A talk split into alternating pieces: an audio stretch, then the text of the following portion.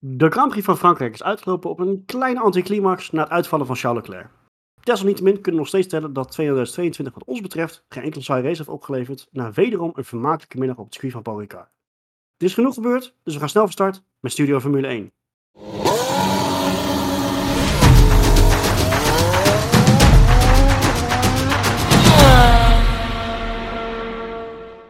Bonsoir, messieurs, is dat volgens mij in het Frans. Ik ben er niet zo heel goed in. We zijn natuurlijk uh, op het circuit van Paul Ricard geweest. Voordat we echt op de race terug gaan kijken, wel even gewoon het circuit zelf. Want het is niet officieel nog, maar men roept ook op de verschillende uh, mediakanalen en, en, nieuwskanalen dat het echt de laatste keer is dat wij Paul Ricard zijn geweest, voorlopig.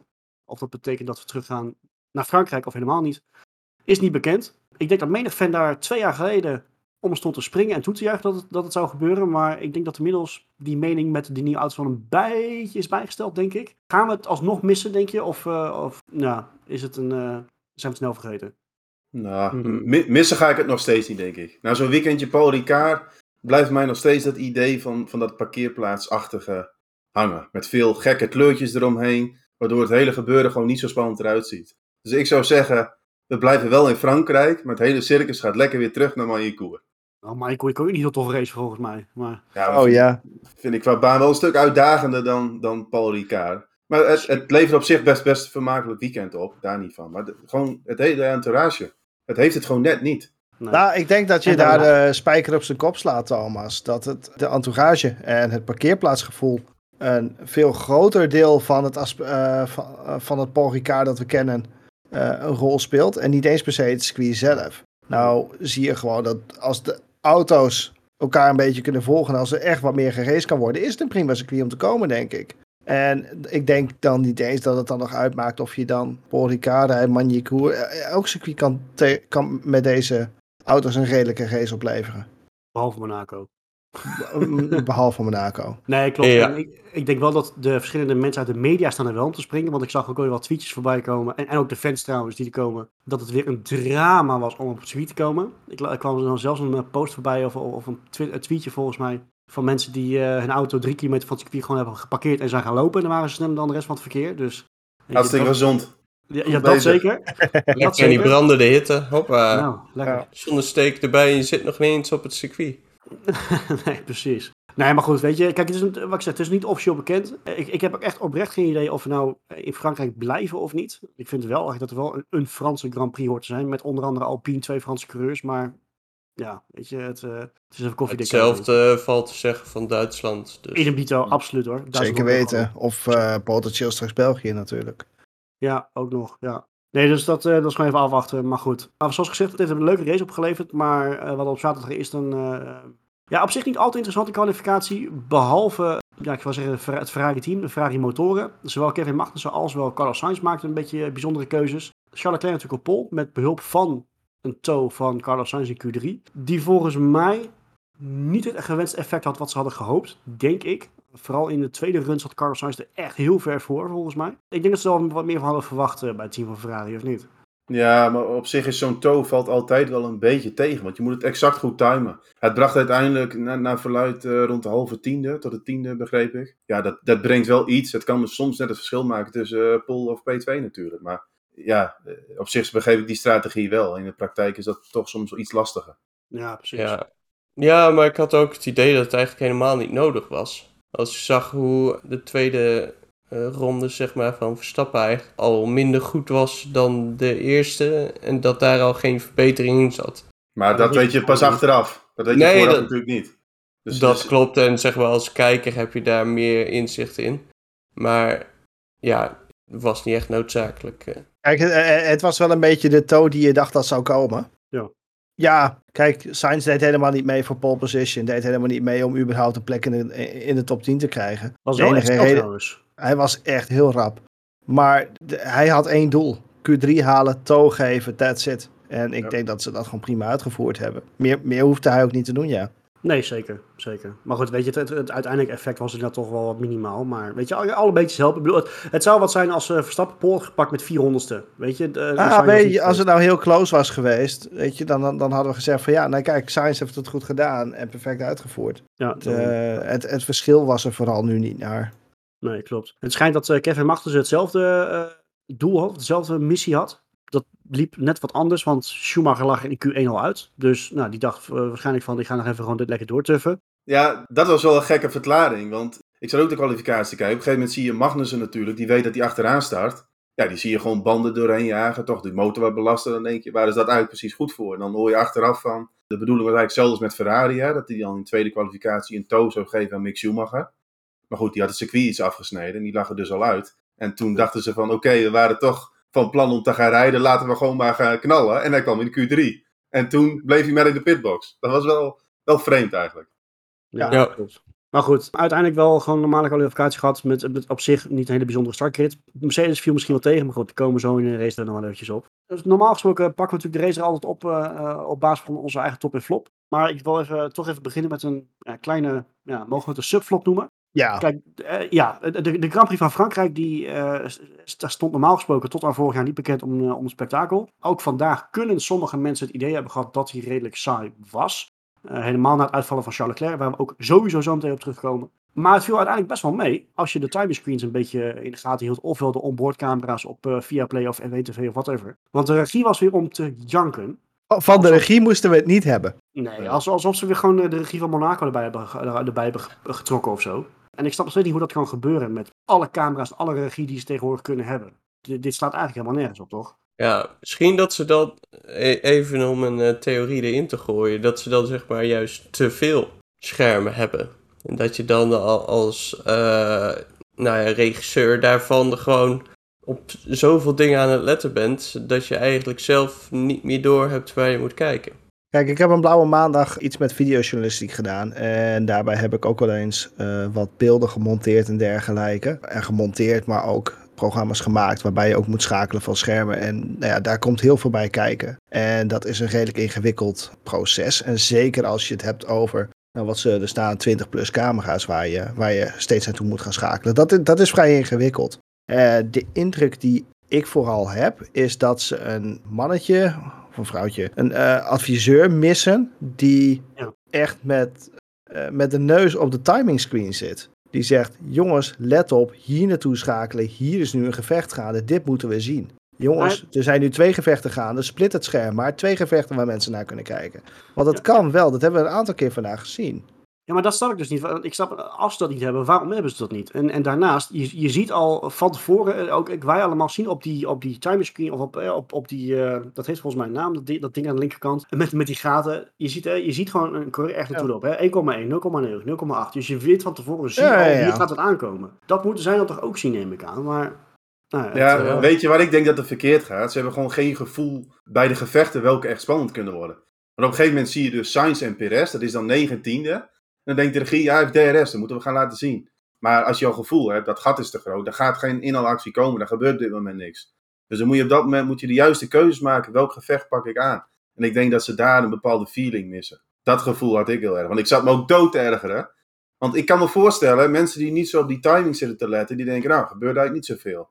Maar als je daar een beetje goed op letten, dan eh, zag je heel veel gevechten in het middenveld. Leuke, leuke stoeipartijen, ja, en dat mis je allemaal toch wel. Dat vind ik En- en heel typerend- is het dan ook zeg maar dat de regie zelf ook meer gefocust is op de voorkant. ja, van de tuurlijk. Dat, dat trekt, Ah, dat nee, maar trekt in tuurlijk. principe de meeste kijkers. Dat is ook Dat- dat begrijpelijk. Maar Ja, ja, maar doordat ze daarop focussen, missen ze een hoop andere dingen. ja. Er is niet iemand, of het lijkt, er lijkt niet iemand te zijn die, die constant een oogje heeft op de timing screen en zegt van joh, we hebben nu een gevecht voor 4 en 5, dat schiet niet op. Dat, dat blijft nog wel even. Maar 9 en 10, daar, daar gaat wat gebeuren, bij wijze van. Een heel typerend moment wat ik miste, was de virtual safety car met Hamilton en Verstappen. Ik had echt op een gegeven moment het idee dat Hamilton ervoor zou kunnen komen. Nee, Viel ja, uiteindelijk tegen, maar ja, klopt. Daar hadden wij het ook over tijdens de race. We keken Mhm. dan met z'n drieën en toen was het safety car. En het zou heel spannend worden van, zou Hamilton of eh, Ja. net op tijd die pit uitkomen of zou eh, Verstappen ervoor komen. En je zag dan op de tracker van, de, van het circuit, de map, zag je dat het best wel close was. Dus gewoon nooit in beeld gebracht. Dat, soort- dat soort dingen is wel heel kwalijk, denk ik. Ja, En ik Ja. denk meer dat het, dat het de mensen zijn die daar zitten of ze wel capa- capabel zijn. Daar heb ik eerder mijn twijfels over. snap dat dat dan, eh, slecht. Ja, ik, ik vind dat voor zo'n sport vind ik dat echt een hele slechte, slechte zaak eigenlijk. Maar Het is natuurlijk vanuit vanaf de bühne standaard makkelijk oordelen. Ik bedoel, uh, niet, het is echt niet dat wij het beter kunnen, verre van. Hè, maar ja, het, voor, voor iets met zo'n groot publiek vind ik ja. wel een gevaarlijke zaak hoor. En met ja, met zoveel miljoenen in omgaan, dan, ja. dan, moet je toch wel een paar goede mensen kunnen vinden die dit kunnen. Nou, maar het, het, punt is, voor, het is niet zo dat het de eerste keer is. Het is ook niet de tweede keer. Dit is het halve seizoen al. Ja. het is de en eigenlijk de afgelopen jaren al zo. Ja, ja, ja. Mm -hmm. Nou, ik zou sterker vertellen. Tijdens de Grand Prix van Oostenrijk had ik dat gevoel ook. Toen dacht ik op een gegeven moment, weet je, ik ga mooi met het F1 TV. Kan ik zelf de onboard aantikken, dan doe ik het zelf wel. Ja, maar dat, ja, dat is gelukkig de functie die je tegenwoordig hebt. Maar je kunt het bijna zelf vanaf de bank, als je het een beetje vol kunt beter. Ja, klopt hoor. Eens, eens. Maar goed, weet je, uh, hopelijk gaat het verbeteren, maar uh, we, gaan het, uh, we gaan het zien. Nou, de regie is dus een, uh, mogen dus als, als subflop benoemen. we gaan gewoon lekker door naar onze top en, en flop. Dan kunnen we natuurlijk niet heen om, om de uiteindelijke winnaar, Max Verstappen. Wat ik al zei aan het begin, het is misschien een beetje een anticlimax geworden. Maar dat had natuurlijk gewoon met Charles Leclerc te maken. Komen we zo meteen vast en zeker op terug. maar nee, niet weg dat hij gewoon een, nou, ja, fantastische prestatie heeft, heeft neergezet. Gewoon een topweekend volgens mij, toch? Ja, ja, voor mij, Max Verstappen was uiteindelijk gewoon mijn top van het weekend. Want ik denk dat hij heel blij terugkeert uh, vanuit Frankrijk. Want dit, dit is voor Red Bull en Verstappen echt een geweldige ja, slaggeslagen in het kampioenschap op zo'n manier. En ook het rijden van Verstappen. Hè. We gaan het bijna normaal vinden eh, wat hij iedere wedstrijd maar weer neerzet. Maar dan op zondag die rondetijden er weer uitstampen, de Ferrari onder druk zetten. En uiteindelijk zorgt dat er ook wel voor dat Leclerc natuurlijk de fout in gaat. Die voelt zo die druk van het verstappen. Die blijft, die blijft gewoon maar gaan. Die geeft niet op. En dat, ja, dat dwing je de concurrent gewoon in een foutje. En je ziet wel, het is niet zo makkelijk om dat week in week uit te doen. Hij heeft dan, Spanje heeft Verstappen een keer een foutje Maar voor de rest, iedere zondag, dan staat hij er gewoon weer. En dat is... vind jij dan ook dat de, de fout die Leclerc maakt, deel op het konto van Verstappen dan komt, of dat niet? Nou, dat, ja, dat is wel de verdienste. Uiteindelijk, uh, Red Bull die probeert natuurlijk in de eerste fase van de wedstrijd. Hè. Verstappen probeert mm -hmm. langs Leclerc te komen. Dat, dat lukt niet. Uh, banden van Verstappen raken ook een beetje op op de medium. Ze besluiten een undercut te doen, door naar de harde band te gaan. En op dat moment zet hij natuurlijk Leclerc gigantisch onder druk. Want die weet, ik moet wel doorstampen op mijn medium. En dat zorgt uiteindelijk voor dat je een foutje hebt. Kijk, als jij een, een marge hebt van 10, 20 seconden op je concurrent, ja, dan, kun je, dan maak je ook niet dit soort fouten. Ik had het idee dat ze op een andere strategie van elkaar ook nog zaten. zaten. Ja, het idee was bij Red Bull, leek het tenminste, dat ze uh, vroeg naar binnen gingen voor een twee-stop. Om het ja. op zo'n manier te proberen. Want inhalen was dan niet zo makkelijk. Ja, vooral dat ze echt aan elkaar gewaagd waren. Ja, het, het ja. was ook gewoon een fantastisch uh, steekspel, steekspel, om te zien. Hè? Vooral de eerste, eerste tien ronden, dat ze constant binnen een seconde zaten. En dat je dacht van, gaat hij het wel of niet proberen? Maar het was vooral bocht 6 dat Leclerc iedere keer een gat kon trekken. Waardoor Verstappen er nooit echt voorbij kwam. Daarom, het, het was een race waar je echt perfect kon zien wat de sterke punten van de Ferrari en van de Red Bull waren. Dat ja, was zeker. Ja. ja, de Ferrari is echt gewoon duidelijk te sneller in de bochten. En de Red Bull is gewoon echt met de geringe luchtweerstand, vooral op de rechte stukken, heel sterk. Eigenlijk bizar dat we, dat we dat nu zeggen, dat Red Bull snel is op rechte stukken. Dat was altijd was dat een pijpen van. Ja, ja. Dat was, was altijd de nou, zwarte... Nou wil ik toch even wat zeggen, want eh, bij mij hangt er een klein beetje een nasmaak bij de top Verstappen. En dat zit hem vooral in het feit dat we een beetje ontnomen zijn van het feit of hij het wel of niet had kunnen doen. He, jij, die crash van Leclerc komt deels op konto van Verstappen, omdat hij misschien dusdanig onder druk zet. Daar, daar kan ik zeker in meegaan. Maar ik had het gevecht de hele race willen zien. En ja, ik was er nog niet zo zeker van of Max dat had gewonnen. Nee, het, het zat qua rondetijd ook gewoon heel dicht, dicht bij elkaar. En, maar daarom vind ik Verstappen top, want die laat er gewoon zien dat hij dat een hele wedstrijd weer kan volhouden. En dat mm -hmm. deed hij vorig seizoen, deed hij dat al, dat doet hij dit seizoen weer. Ja, het, het is gewoon iedere weekend maximaal. En als je dan kijkt naar de andere Red Bull, dan is het contrast natuurlijk ook gigantisch. Hè? Zo eerlijk moeten we ook zijn. Klopt. Ja. Verstappen en Leclerc die zitten qua snelheid ook echt wel op een ander level vergeleken met de rest van het veld. Dus dat vind ik ook gewoon zo knap. Ja, maar wel even om uh, in, in, te gaan wat Marco zei. Van hey, ja, uh, ik had het wel graag willen zien. Klopt, maar dat, dan ga je ook weer. Ik ga dan weer naar een wat als van. Uh, in hoeverre werd Verstappen space beperkt. doordat hij Leclerc niet voorbij kon komen. Dat, je, je ziet ook wel eens dat men aan elkaar gewaagd lijkt. En op het moment dat er een interactie geweest is. Verstappen zit ervoor dat hij dan gewoon zegt. Toedeledoki en wegrijdt. Dat had nou, daar, daar, nee, daar was ik dus ook niet zo zeker van. Kijk, Verstappen en Leclerc reden allebei op een hele andere. met, met een hele andere configuratie auto. Je zag heel duidelijk dat die Red Bull ervoor gemaakt was om, om op het rechte stuk te domineren. Reden met een stuk minder downforce. En daarom vooral het rechte stuk natuurlijk het punt waar ze op wilden aanvallen. En uiteindelijk weg wilden komen. Ja. Wat je nu zag is dat Leclerc uh, in de bochten veel beter was. Veel sneller was. Op een gegeven moment zagen we gewoon dat hij 3 14 wegliep in de laatste sector. En daar zit het een beetje in. Leclerc rijdt met een high downforce auto. Die banden, met name achterbanden, slijten daardoor ook een stuk minder. Ik had het idee dat na, wat was het, 10, 15 ronden, dat de banden van Max echt op aan het gaan waren. En dat hij hem op de lange termijn hem daarom niet, uh, mogelijk niet had kunnen pakken. Uh, wat je namelijk ziet is met, hè, met, met een low downforce setup slijt je je banden, je, je schuift wat meer, je stuit het wat meer. En daardoor vergeet je banden. En ik denk zeker niet met de hogere temperaturen die we vandaag hadden, dat dat voor de Red Bull een voordeel had kunnen brengen. Ik denk namelijk dat ze op de langere termijn uh, gepakt zouden zijn geweest. Ja, ja dat, dat, dat is echt een paar rondes. Uh, dat is echt een anders. Worden.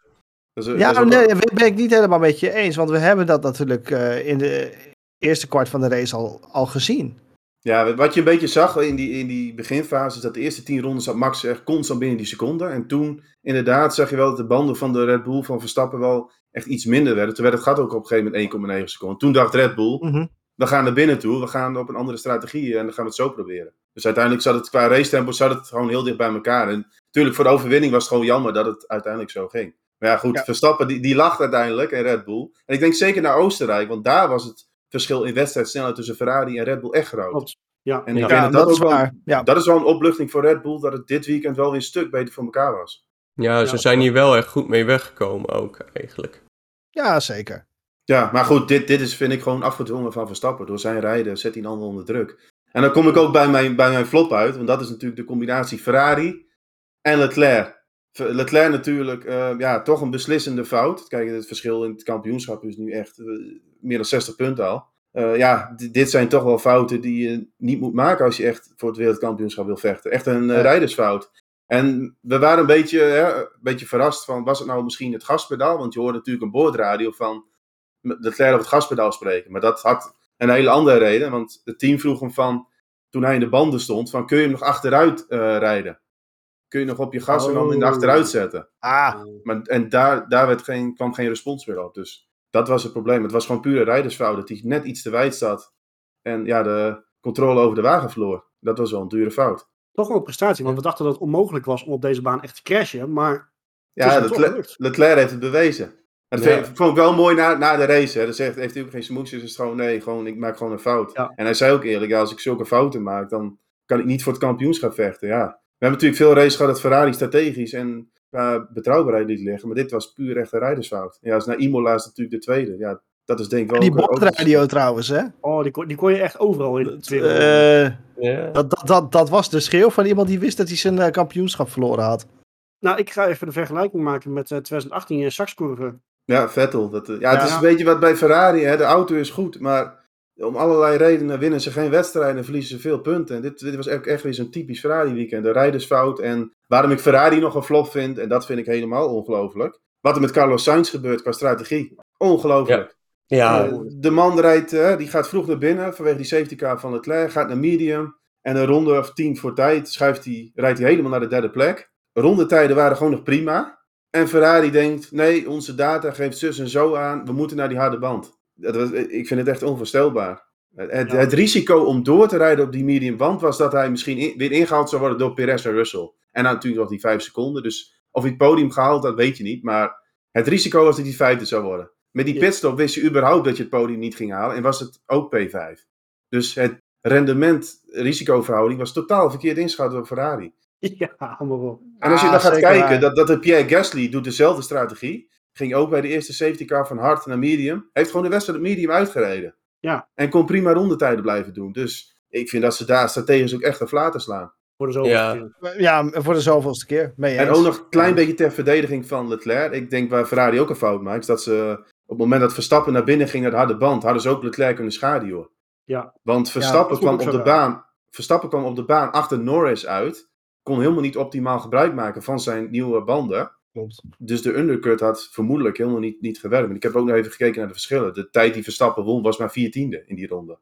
Omdat hij klem zat achter Norris een, een paar ja, maar het was wel op zich duidelijk dat die harde banden op zich wel voor hem zouden werken. Dus het had ook niet heel veel langer moeten duren. Nee, daarom. Dus de ronde... Maar als hij op tijd binnen was gekomen, dan had hij hem inderdaad gecoverd. Ik denk Ja. als Leclerc direct na Verstappen de ronde na was gegaan, had hij nog steeds de leiding en hadden ze op dezelfde banden nog gereden. Dus ook daar denk ja, dat vind ik typisch Ferrari. Ik vind het, ik ben ook, uiteindelijk ben ik geen fan van Binotto. Ik vind het echt een slapzak, eerlijk gezegd. Ik vind het, ja, het, als ik het vergelijk met een Mercedes, dan hoor je Toto Wolff op de boordradio van Hunt and Down. En het komt gewoon veel sterker over. Echt de man die gewoon op dat moment even gaat vertellen hoe het werkt. Bij Ferrari is dat helemaal niet. Nee, Maar is het ook Binotto die je hoort op- over de radio? Nee, Nee, maar Toto nee, nooit. Nee, maar dat bij Mercedes en Toto Wolff en Horner doet dat ook wel eens. Op het moment dat het echt toe doet, dan staan zij even op en dan gaan ze even vertellen hoe het zit. En Binotto, Ja. die blijft maar lekker achter zijn computerschermpje zitten en eh, die mag na de wedstrijd weer eh, gaan vertellen waarom ze gefaald hebben. Ja. Ja, was, ook, nee, was, dat is... was, was ook nog wel leuk trouwens. Ze vertelde op een gegeven moment aan Carlos Sainz van, ja, je hebt een stop-and-go penalty. Zij- En toen zei Sainz terug van, bedoel je niet een 5 seconden penalty? Ja, ja, Ja. sorry, 5 seconden. Ja. Kijk, dat foutje kan, maar het is altijd wel typisch dat dat soort dingen bij Ferrari te horen Het, het telt ja. op. Ja, Ja. Het, was, het was toch weer Clown Bassi. Die was denk ik toch weer terug in de. Ja. nee, Man. Dat is, zo, dat is echt zo verwonderlijk daar. Ik denk van, zeker met een, een organisatie met zo'n gigantisch budget, van hoe, hoe krijg je dit voor elkaar? ja, dat, dat is ja, het ja. En, en toch, hè? En toch. Ik, ik pak hem over, Thomas. Mijn top van de week is de man die daar voor eh, Ferrari toch de kolen uit, eh, uit het vuur haalt. En eh, to- toch Carlos. Carlos Sainz heeft echt een fantastische race gezet. Hè? Ja, helemaal mee. Eh, het is heel makkelijk om driver of the day te worden als je met een goede auto achterin staat. Dat zien we wel vaker. Maar dit is de absolute driver of the day geweest, vond ik. Ook ik heb een het moves die hij maakte. Wat zei je? Ook gewoon een aantal acties die Nou, die- ik wilde net zeggen. Ik heb vorige week natuurlijk een paar keer geroepen dat mensen buiten, buitenom in turn 6, turn 7 gaan. De Maar. Carlos heeft het gewoon allemaal, heeft het gewoon allemaal gedaan. Ja. Fantastisch toch? Ja. Wat een enorme kokosnoten heeft die man meegenomen. Maar ook ontzettend sterk weekend gehad. Ik denk uiteindelijk die Ja. grid penalty is ook wel heel jammer geweest voor Sainz. Want ook op de zaterdag, ehm, hij reed natuurlijk in Q3 niet, maar in Q2 reed hij al een tijd die altijd genoeg was geweest voor P2. Hij was het hele weekend, zat hij er bovenop. Eigenlijk was dit voor hem ook een heel slecht weekend om die grid penalty eh, te krijgen. Dat, dat weet je van tevoren Ja. je, eh, je, je krijgt ook bij hem zo'n wat als gevoel. ja, precies. Maar Ja. dat is Dit- dus dit- Ferrari. Als je kijkt gewoon puur naar het pakket dit weekend, is gewoon eigenlijk de snelste van de grid. Nou goed, in de wedstrijd is het wel iets, hè, zitten bij Red Bull en Ferrari iets dichter bij elkaar. Maar ja, vooral op de zaterdag ook. Maar is dit- dit is op- een- oppermachtig. Dit, maar dit, dit had het weekend moeten zijn waarbij Carlos gewoon de race had kunnen winnen. Zonder Ja. grappen. ik hij denk dit had- inderdaad als dat hij- hij de kans had. eh.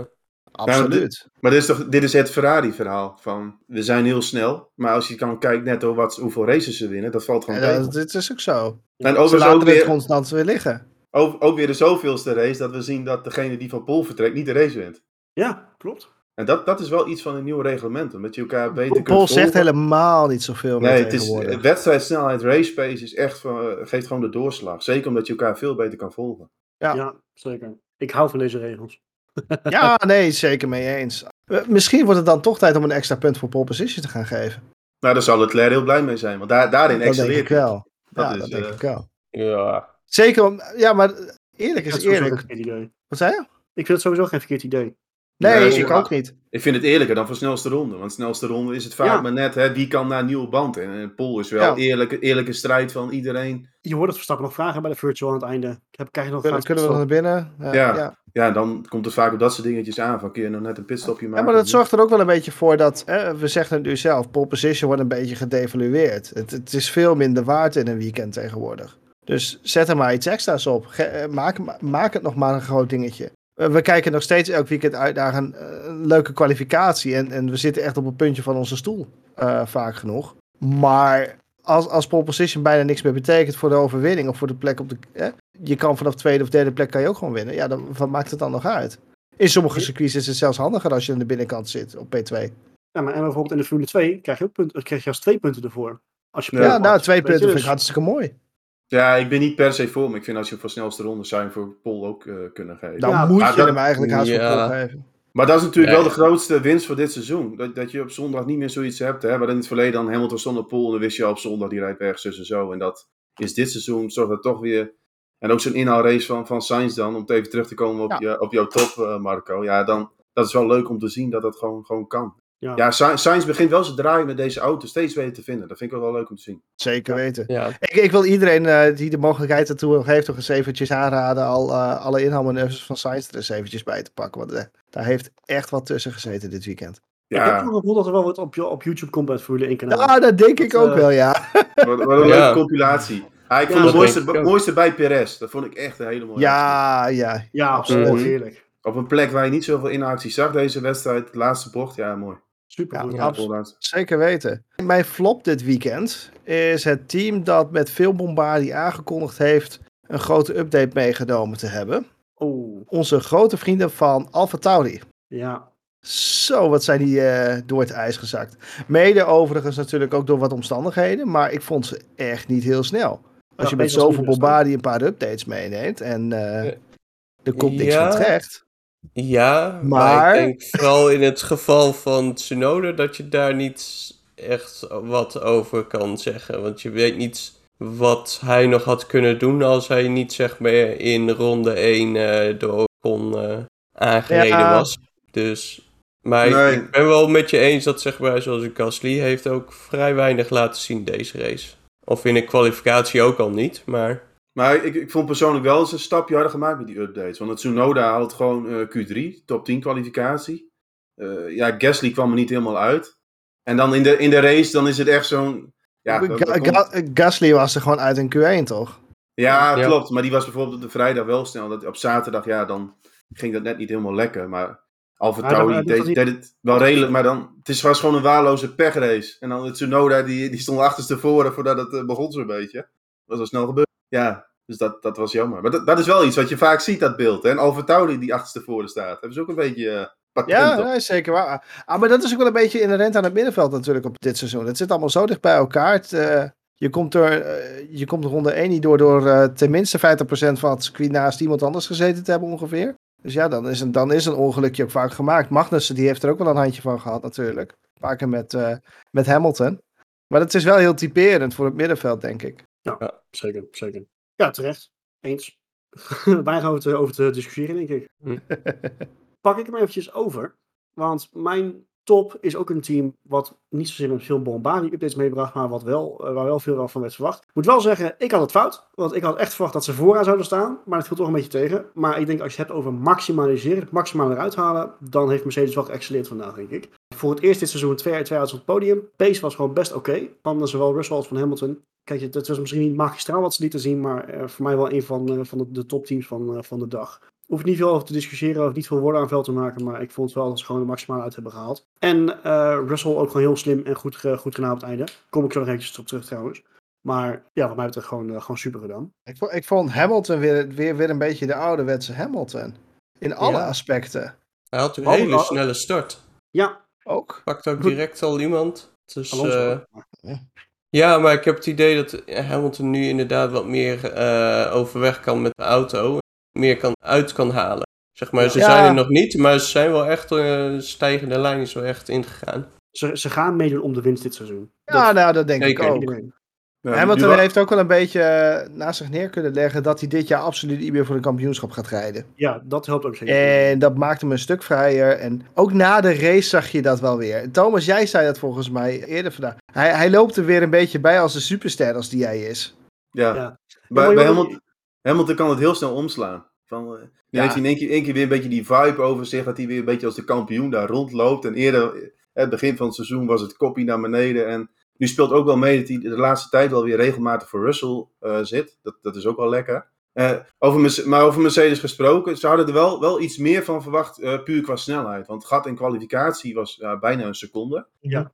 Wedstrijdsnelheid was wel weer goed. En ik Ja, drie, vier Maar- tiende verschil nog met de top, geloof ik. Ja, je ziet wel die auto's in de wedstrijd een stuk, zitten een stuk dichter bij de Red Bull en de Ferrari dan in kwalificatietrim. En ja, de sta- het gaat dus nog wel serieus. Maar ja, het positieve is, ze kunnen nu wel echt op snelheid vechten met de tweede Red Bull, Perez in dit geval. Dus Ja. ja, je ziet wel, Mercedes maakt duidelijk stapjes. Maar het, ja, het gaat om echt mee te doen voor overwinningen. Dat is dan wel, wel serieus. Ja, klopt. Maar het, het gaat wel gebeuren dit seizoen. Daar hou je wel aan, eh, Roy. Is goed. Die staat. Eh, ja. Nou, mijn flop, ik, ik, ik had best wel een lange shortlist qua flop. En eh, misschien zijn jullie niet helemaal eens met mijn flop. Allemaal. Nee, nee, nee. Misschien zijn jullie het niet helemaal mee eens. Maar ik heb toch Sergio Perez. En waarom? Omdat hij gewoon niet de juiste dekking kon bieden voor Max Verstappen. Bij de start werd hij al gepiepeld. En daarna was het ja, gewoon niet heel, heel fantastisch. Hij heeft, hij heeft dit seizoen dichterbij gezeten. Regelmatig dichterbij gezeten. En dat was gewoon mijn fantasie vandaag. En nu heeft het uiteindelijk natuurlijk niet echt ja, problemen opgeleverd voor de kansen van, eh, van Verstappen. Maar stel dat Leclerc niet eraf was gespind en hij wel was blijven rijden, weet je, dan hadden ze, en, en Sergio Perez had derde gelegen bijvoorbeeld, hadden ze misschien wel wat kunnen, eh, kunnen uithalen op strategiegebied. Maar ja, dat is uiteindelijk dus niet nodig geweest, maar het was ook niet echt mogelijk geweest. Het was niet best. Nee, nee. Ik ben het wel met je eens, Roy. Ik had hem ook op mijn shortlist. Want Perez, vooral in de wedstrijd, ontzettend flats. Ja. En hij is, hij is echt, met het serieus verschil heeft hij ook op zijn broek gekregen van Max. Als je de rondetijden, echt halve seconde tot seconde per ronde. Ja. En eh, we hadden het er net over van, het was mooi voor Mercedes dat ze nu konden vechten met de tweede Red Bull. Maar dat zegt ook wat over Perez. Kijk, als Ja. Max Verstappen in de Red Bull die wedstrijd naar huis rijdt. En jij hebt om op het podium te komen. Ja, dan mag je jezelf ook afvragen wat je, wat je gedaan hebt die zondagmiddag. Ja, zeker weten. hoor. Ja, Nou, hè, je, je, je noemt het woord gepiepeld worden, maar hij werd echt een potje gepiepeld door, eh, door Russell, zeg. ja hij heeft wel de brief van Allemachtig. stokbrood laten eten. Dus, eh, Ja, een brief als een stokbrood. maar ja, dit, dit was wel... eh, maar je zag ook wel daarin dat Perez had gewoon niet de pace om die auto's voor te blijven. Nee. Moet ik wel zeggen dat eh, de inhaalactie van Russell op Perez, dat, dat is in mijn ogen compleet aan Russell, eh, eh, die zat eh, compleet fout. Die dook echt in het gat wat er eigenlijk niet was. Die kwam van heel ver.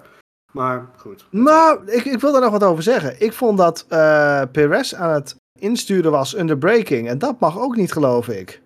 Ja, ik zag het Je terug- zag hem echt die lijn opeens naar links afknijpen. Ja, maar het In, was in, wel, de, in de remzone. Ja, maar... wel voor het 100 meter bord waar ze normaal gesproken remmen. Ja, het was voor mij gewoon een typisch, typisch race eh, incidentje. Ja, en, en, het was ook prima hebben dit goed opgelost. Ja, zeker. Klopt, klopt. Dat was niks, ondanks dat Russell aan het miepen was over de boordradio. eh Ja, er komt toch weer er de van beestje naar boven hè, bij hem. Ja, Hij- ja daar heeft hij hier wel een handje van. Hij is En toen- van Hamilton. En toen vond ik het mooi dat Toto op de radio kwam van hunt hem down, van gewoon op het circuit er voorbij. En Ja, Klaar, want niet Mercedes- zeiken en rijden met je kadaver. ja, Zeker. Mercedes had ook wel zoiets van hier is regeltechnisch gewoon niks mis mee. Nee, Nou, nee. Ja, wat natuurlijk het mooiste was, of Perez werd natuurlijk ook op het eind nog even gepiepeld door... eh, Ja, Nou, door dat eh, niet te gaan lopen grasmaaien. Ik had nog een subflop. Oh, nou, De, de VIA. wat Want- dan? Eh, nou, de software van de FIA, denk ik. Of de software van de VIA kan je misschien beter zeggen. Oh, zo. Want eh, hoe die virtual safety car eindigde, dat sloeg natuurlijk helemaal nergens op. Ik heb het een beetje eh, eh, teruggelezen eh, hoe dat regel, qua regelgeving zit. En ze, ze hebben op zich geen regels overtreden. Het schijnt ook dat de, de tijd tot het einde van de VSC, wat je langs de baan ziet, dat dat compleet random is, schijnbaar. Nou ja, hoe dat allemaal precies zit, daar weet ik de details ook niet van. Maar Ja. de FIA heeft niet per se hun eigen regels overtreden. Maar dat de communicatie zwaar onduidelijk was, dat is natuurlijk eh overduidelijk. Maar is de communicatie naar de coureurs onduidelijk geweest of communicatie naar de mensen voor Ja. de buis onduidelijk? Nou, beide. Want in principe is het dus zo dat als de, de, het commando wordt gegeven. Je kan, je kan het een beetje vergelijken met eh, in het werk. Als in het werk een, een full Courgella wordt aangekondigd. Of Mhm. het einde van de full Courgella. Dan heb je de race director van die geeft aan. Full Courgella eindigt in zoveel seconden. Dat Ja. is hier ook zo. Dus ze zeggen van virtual safety car is ending. Dan hebben ze 10 tot 15 seconden dat hij dus op groen gaat. En dat gebeurde dus niet. Dat kwam dus door een softwarefout, blijkbaar. En dan hebben ze dus een, ja, een backup. En die is schijnbaar gewoon compleet random gegaan. Maar eh, die, is, die is dus veel te laat op groen gegaan. Waardoor dus eh, vooral Sergio Perez verrast werd. Je kan ook natuurlijk gewoon beargumenteren dat Russell daar gewoon mega scherp was. Want die was echt zo, want je zag echt zodra de toren op groen ging, ging hij plank gas en ging die Perez voorbij. Dus het was natuurlijk mega knap wat hij deed. Ja, zeker. Maar het was uiteindelijk weer niet nodig geweest. Nee, maar is het normaal gesproken ook niet zo dat de race director, en in dit geval was het volgens mij dit weekend ook eh, Eduardo Freitas, die communiceert normaal gesproken toch safety, of eh, ja, in de werk is het altijd slow zone ending in, of wat dan ook. Mhm. Dat, dat communiceert hij toch ook gewoon direct door naar de rijders, of niet? Ja, dat gebeurde dus Dat nu ook. Alleen eh, hij ging dus niet op groen, omdat er dus een softwarefout was. En dan heb je dus een backup. ah, in die zin. Ja, Oh, Oké. De procedure is eigenlijk gewoon, hè, er staat auto langs een circuit, daarom heb je virtual safety car. Die auto was van het circuit, dan krijg je de melding ending. En als het tussen 10 en 15 seconden groen. Is het niet de eerste keer En- dit jaar dat er een eh, softwarefout de race beïnvloedt? ja, Misschien zijn, er toch, Monaco. misschien zijn er toch hackers actief. Maar, maar in ieder geval, in. Monaco was dat eh, meer het weer. Maar eh, Ja, maar ook een software. Niet helemaal, ook een softwarefout, waardoor de... ja, door het weer. Doordat zeg maar het... Ja, ja, we oh, het ja, systeem dat dus. is ook zo, ja. tuurlijk. Maar, Maar het blijft wel. is typisch. wat Russell uiteindelijk heel slim deed, want eh, voor de luisteraar ook misschien. Je hebt natuurlijk je delta en die moet je positief houden. Dus als jij op een gegeven moment in een bepaald segment eh, nog één tiende over hebt, ja, moet je eigenlijk een beetje van je gas aan om dat weer wat marge te creëren. En Russell had marge gecreëerd voor die eh, ending. En kon daardoor eerder op zijn gas. Want hij had marge om nog wat af te remmen als het moest. En daardoor pakte hij hem eigenlijk. Ja, Maar het, het ontstond natuurlijk wel door die onduidelijke situatie. Dat, dat is wel Op een gegeven moment was het gat, wat, het gat tussen Perez en Russell was ook heel groot op een gegeven moment. Ja. Perez die reed echt Ja. mooi en vet reed hij vooruit ook. Ja, dat is ook wat Russell zei. Van hij vond het gedrag van Perez heel raar. Want hij zei, die zit constant aan de rand van zijn delta. En ik hou over. En als ik dan denk van dit wordt ending, dan heb ik nog heel veel marge om snelheid te maken. Ja. Dus in dat opzicht van Russell, wel, ik vond het een van de mooiste acties. Ik denk dat we dat niet va- veel vaker gezien hebben met zo'n virtual. Zo'n Ja, inhaalactie. maar ik ik denk dat dat hij daar het- wel mensen mee op scherp zet. ja. Ja, nee, klopt. Maar ik denk dat daar misschien dan ook het stukje verwarring bij eh Perez zit. Want Ja. toen was het volgens mij al ending. Dus Perez dacht van, nou ja, dan kan ik alvast gas geven. Dan voordat hij eh, ik buiten mijn delta kom, dan is hij groen. En dan is er niks meer aan de hand. Maar dat was dus niet zo. Dus ik denk dat daar zeg maar een ja, samenloop van omstandigheden was. eh, Ja, nee, dat waar. Russell heel goed gebruik van heeft gemaakt.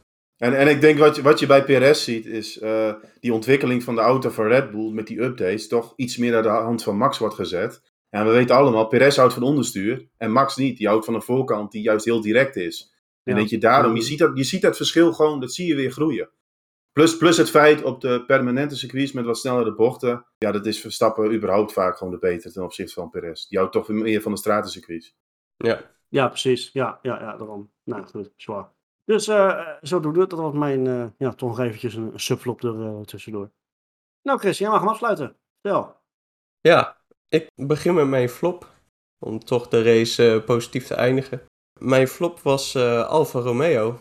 Oh, ja. En eh, ik dacht eerst van iets van ja, ik, ik kan de coureurs afzonderlijk noemen, maar ik kan ze ook gewoon beide noemen. Want ja, eh, het was niet echt eh, om naar huis toe te schrijven.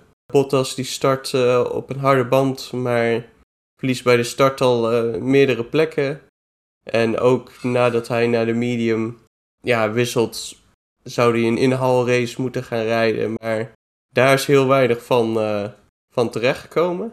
En zo, ja, had natuurlijk aanrijding met Schumacher. Ja. Ja. Wat, nou ja, ook wel echt zijn fout was. En ja, beide een beetje achteraan hangen. En dus een beetje, in ieder geval aan de Bottas kant, een trend die we nu wel vaker zien. Dat het niet zo eh, hard meer gaat als het, eh, als aan het begin van het seizoen. Eh, ja, dat, dat is natuurlijk wel reuze jammer voor ze. Maar ik, ik denk dat daar nog wel aan de weg gewerkt mag worden. Zeg maar, ze brengen wel updates mee, maar ik heb niet het idee dat die updates in een goede richting gaan. En dat ze heel erg zoekende zijn met de welke kant moeten we op met die updates. Nee, eens.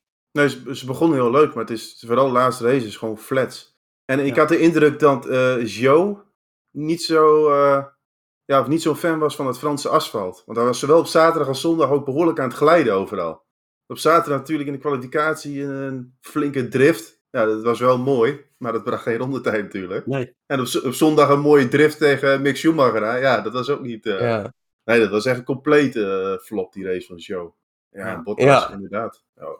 ja, jammer voor Alfa. Dat, dat gaat toch wel achteruit. Ja, zeker. Hopen dat ze een ook wel een hebben. boel achteruit, vind ik. Ja, klopt. ja, Ja, helemaal Bottas, hè, dat bespraken we vanmiddag ook even. Van begin van het seizoen was hij gewoon regelmatig best of the rest. En nu, ja, zelfs voor, voor punten Ja, deed hij of, niet echt of nog beter, hij kon af en toe gewoon met de Mercedes meekomen toen nog. Weet je, Ja. en dat is nu Ja. eh, ondenkbaar. Nou, wat je bij, soms bij teams hebt, is dat, dat komen wel updates, maar dan is de correlatie misschien niet goed. Het, het lijkt wel achteruit te gaan. Downgrades Oeh. lijken het. Ja, ja. bijna wel. Maar Oh. ik denk, we moeten ons ook weer niet daar ook te veel op verkijken. Want de andere teams nemen ook updates mee. Dus Ja, die gaan misschien dan wel de juiste kant op. Dus worden ze sneller. Ja. En ja, dus ik Ja, denk dat het ook een combinatie van beide is. Maar Marco noemt nu Haas. Haas die, is, die heeft eigenlijk nog dezelfde auto als in Bahrein. Maar die gaan wel mee. Weet je? Dus Ja. het, het- En worden beter. Ja, Ze, ze lijken, ja, hè, dat, dat heeft niet met updates aan te maken, maar die, die lijken eindelijk te vinden hoe die, hè, wat er voor nodig is om die auto goed te laten presteren. En de- blijkbaar kan je sneller worden zonder dat je überhaupt updates hoeft mee te nemen. eh. ja, Ja, maar komt denk ik ook omdat ze de auto beter leren kennen. Ja, Dat is het dus. En, en Ja. ik denk dat daar heel veel teams nog wel een beetje zoekende in zijn hoor. En misschien raakt Alfa juist wel een beetje de weg kwijt door de updates. Dat ze er qua afstelling dan in één keer ernaast gaan zitten. Want Ja, ik vind het contrast wel groot. Dus- Ja. Ik ga misschien straks wel zien dat bijvoorbeeld een Haas eh, een gouden greep heeft. Met juist heel lang wachten op één update. En daarna volgend, wachten tot volgend jaar. Omdat ze nu rustig aan het voorbereiden zijn. Hoe gaat die auto reageren? Welke window moeten we hem hebben? Weet je? Ja. Kan een hele interessante stap van ze zijn. Oké, nou ja, mooi. Dankjewel Chris. En je eh, absoluut positieve afsluiter, je top. Ja, ja, ik denk dat dit meer een top is voor de, voor de langere termijn hoop. En eh, dat is namelijk eh Nicolas Latifi. Sorry, wat? Is Ja, dat, ja. zeg je? Dat is de tweede keer dit seizoen. Laat Nou, die ja. stop. Ik vind het mooi. Je Ja, bent wel een beetje biased, hè? Dat, dat, dat heeft ook te maken met jouw eh, voorspelling, toch? ja, zeker. Vandaar dat ik ook zei dat de lange termijns eh. Ja, precies, precies. Maar hij heeft, nou ja, hij heeft een goede race gereden en kon met toch wel meerdere teams, zeg maar, echt strijden. Wat we gezien hebben. En ja, uiteindelijk komt het niet goed eh, in, dit, eh, in dit sprookje, want eh, hij heeft hem moeten retiren nadat hij door Magnussen aangereden was. Ja.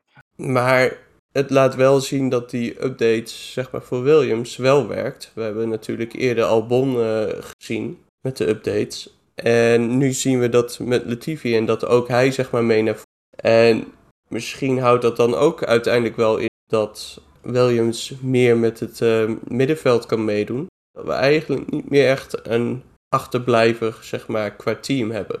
En daar hoop ik wel op. eh. Ik, ik vind het wel mooi dat, dat je ze noemt. Want ik, ik was ook al van plan nog even Williams in het zonnetje te zetten. Hè? Dus Ja, wat dat betreft mij een beetje het gras voor mijn voeten. Maar het- dat was ook wel een ding hoor, dit weekend. Eh Williams natuurlijk het hele seizoen wel een beetje de langzaamste auto. Al, wat je zegt, Albon had natuurlijk al een aantal races die update. Nou, Latifi kreeg hem dit weekend ook. En beide Williamsen deden echt mee in de wedstrijd. We hebben natuurlijk, het beeld van dit seizoen is een beetje Latifi, eh ja, bungelt een beetje achteraan de laatste plaats rond. Maar die was vandaag voor het eerst in normale droge omstandigheden echt aan het racen met andere rijders. Een Magnussen die die kon aanvallen, een Bottas die die kon aanvallen. En dat was wel echt een nieuw beeld. Dus dat middenveld, dat is al heel dicht bij elkaar. En als dan Williams op, op snelheid gewoon ook kan mengen, dat wordt heel interessant. Dus ja, daar, die hebben echt een grote stap gemaakt met de updates, duidelijk. Eens. Nou, toch wel, eh, ik moet zeggen, nu al de tweede keer inderdaad dat we hem hebben genoemd. Dus ja, eh, hartstikke leuk. Dan toch even een kleine eervolle vermelding voor die andere Canadees. Want we hebben hem, hem ook vaak genoeg afgebrand. Maar, En die mag eh, ook in het zonnetje. Mag ook wel Ja, een beetje in het ja. zonnetje. Niemand heeft hem echt wel stop. Maar Lance Stroll heeft ook gewoon een goede wedstrijd gereden. Punt gepakt. Goed geknopt met zijn teamgenoot. Na wel een beroerde kwalificatie volgens mij nog. Dus ehm weet je, gewoon sterk. Eh het is wel mooi om te zien dat toch, dat toch eh, de lachtjes van de grid ook wel eh, wat uitschieters kunnen hebben. We hebben het met, met Stroll wel eens wat vaker genoemd. Hè? Het is iemand die gemiddeld genomen nooit erbovenuit zal stijgen. Maar af en toe heeft hij echt hele sterke races ertussen zitten. En dit is daar wel een voorbeeld van. Ja. Ik vond met name zijn verdedigende actie in de laatste ronde, de laatste bocht, vond ik erg sterk. Ten opzichte van Eh, Ja, ten opzichte van eh, zijn teamgenoot Vettel. Want die probeert een, eh, een klassieke switchback te doen. Waarbij je een hele andere lijn pakt om hem op exit een, een, een tegenstander te verschalken. En Stroll heeft dat voor de verandering door. Die, die heeft voor de verandering ook in zijn spiegels gekeken. En die, Ja. ja. het is wat het is, jongens. Die, ziet dat gebeuren en die laat die auto heel langzaam uit de exit komen. Waardoor Vettel als het ware klem komt te zitten. Super mooie actie. En met vijf plekken voor zijn startplek uiteindelijk geëindigd. Gewoon een heel goed weekend. Nou, dat was dan een, eh, toch een opvallend interessant weekendje weer in, eh, in Frankrijk. Maar zoals gezegd, misschien de laatste keer, misschien niet. We gaan het, ja, we gaan het zien. Maar eh, we kijken in ieder geval dan uh, potio terug op een hele mooie, mooie laatste editie van de, van de Grand Prix van Frankrijk. Nou, aangezien we natuurlijk weer een, een, een double header hebben, gaan we volgende week gaan wij op naar Budapest voor de, en ik ga het één keer proberen, de Magyar Nagy, nou, ik ga het niet nog een keer proberen, de Hongaarse Grand Prix. Toch altijd een eh, Mickey Mouse baantje, kan, eh, hoeft niet altijd echt heel veel spektakel op te leveren, afhankelijk van de weersomstandigheden. Dus, ik kijk alvast wel even met een schuin oog naar Meteo Marco. Van, kunnen wij alvast wat gaan verwachten, want dan moeten we ook onze voorspelling daarop aanpassen, denk ik. Is net onderweg. Kijk, heel Europa heeft natuurlijk te kampen gehad met een eh, enorme hittegolf de afgelopen weken. Daar, eh, daar heeft Hongarije ook wel een klein beetje last van gehad. Die Maar ja, je- voor. Wat zei je? Die zijn er vaak al gevoelig voor. Die zijn daar ook inderdaad al vaak wat gevoeliger voor. Maar ja, wat krijg je na een hittegolf? Je krijgt hoosbuien. Uh-oh. Tot op dit moment wisselvallig zeer warm weer. Vrijdag, zaterdag voorlopig op de voorspelling eh, regen. Vooral heel veel regen. En zondag voorlopig wolkjes en zon. Oké. In ieder geval, er is geen kans dat het 100% droog is. Dus Nee, nee, nee, nee. Ik zou, daar, ik zou daar mijn geld niet op gaan zetten.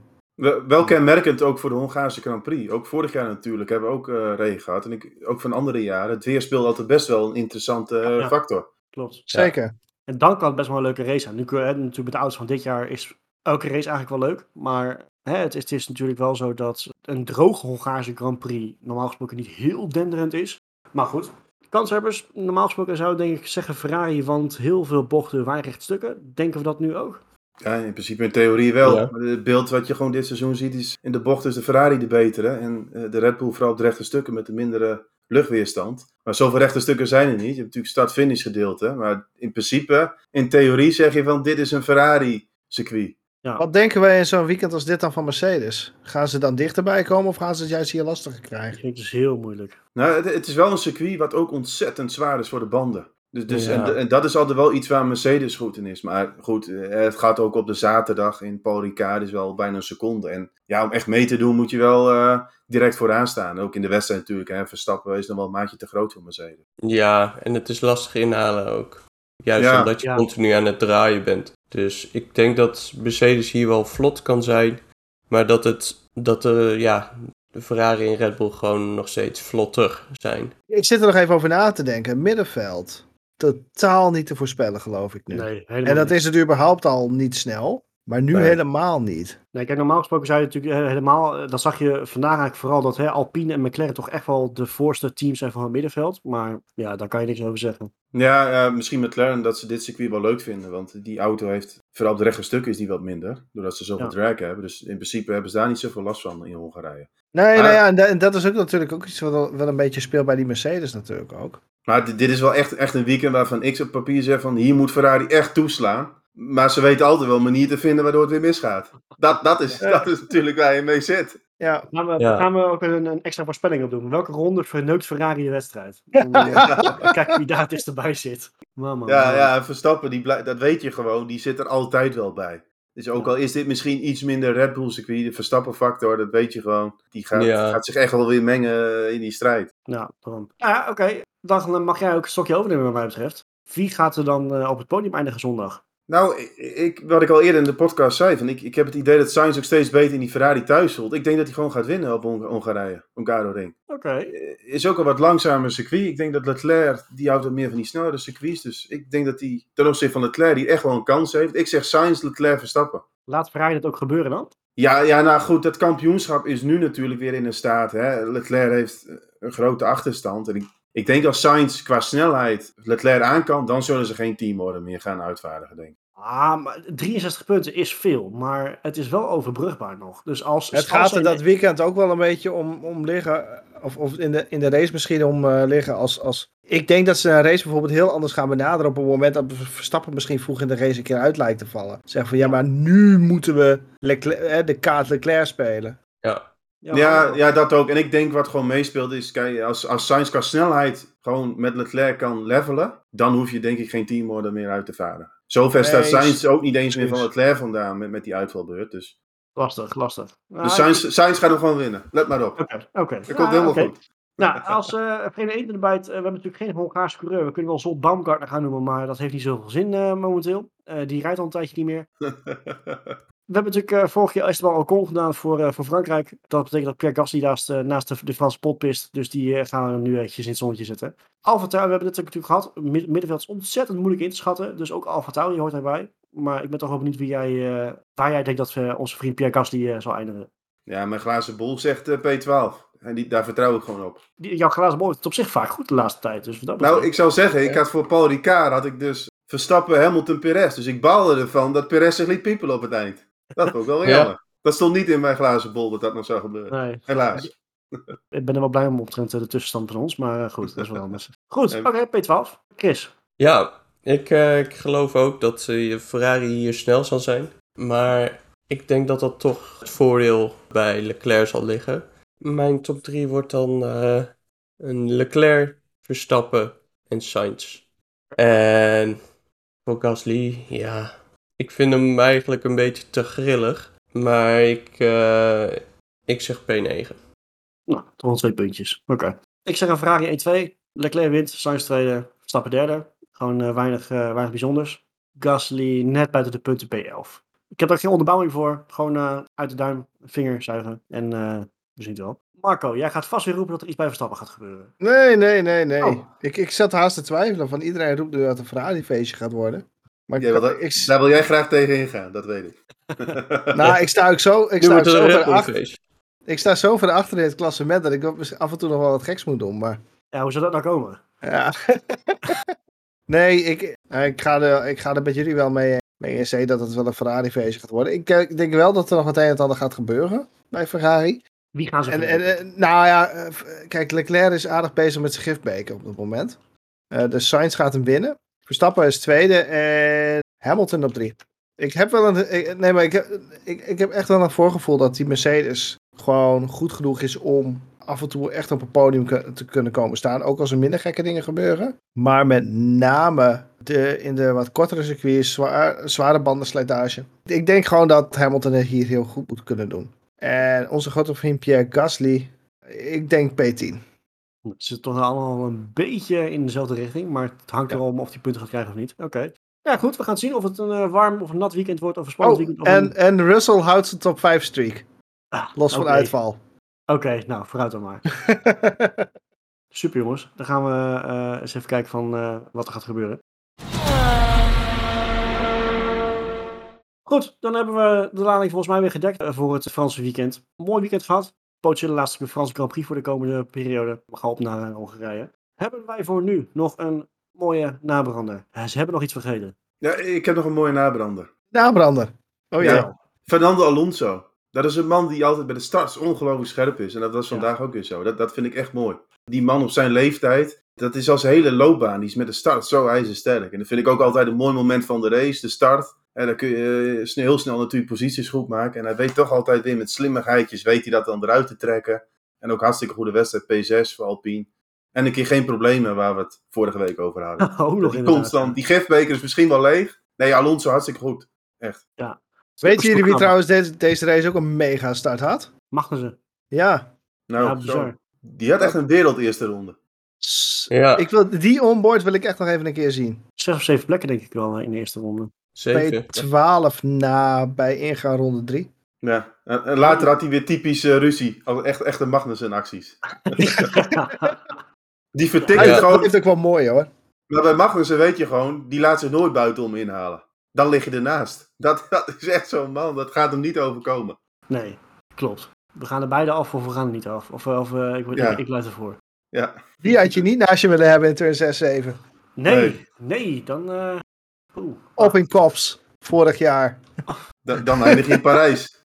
Als je naast Magnussen daar gaat. Kijk Lewis, zo beuk je iemand eraf in kops. Wat? Goed. Nee, mooi weekend jongens. We gaan, eh, we gaan op naar de laatste voor de zomerstop. Dan hebben we ook een beetje, een beetje rust. Voor de luisteraars en kijkers die ons natuurlijk, eh, die altijd op maandagavond echt op F5 drukken van wanneer komen ze nou online. We komen een dagje later. In verband met vele vakantieplannen van eh, de heren eh, in, in deze uitzending. Dus dagje later op, eh, op maandag nemen we op. Op dinsdag eh, gaan we proberen om online te krijgen. Zoals eh, wel op zich al vaker gebeurd is. Maar dan weten jullie het bij deze. Gaan we terugkijken op Hongarije. We kunnen wel een zomerstop gaan previewen, maar dat heeft weinig zin, denk ik. Er zal te weinig gaan gebeuren in die weken. Al is er een keer in de zomerstop ook iets gebeurd dat ene Max Stappen werd aangekondigd bij Red Bull. Maar hè, dat is lang geleden. Dus we gaan, het, we gaan het allemaal zien, jongens. Mannen, dank jullie wel. Luisteraars, bedankt voor het luisteren. We zien jullie hopelijk bij de volgende race. eh, spreken we jullie weer aan de kampioen van Hongarije.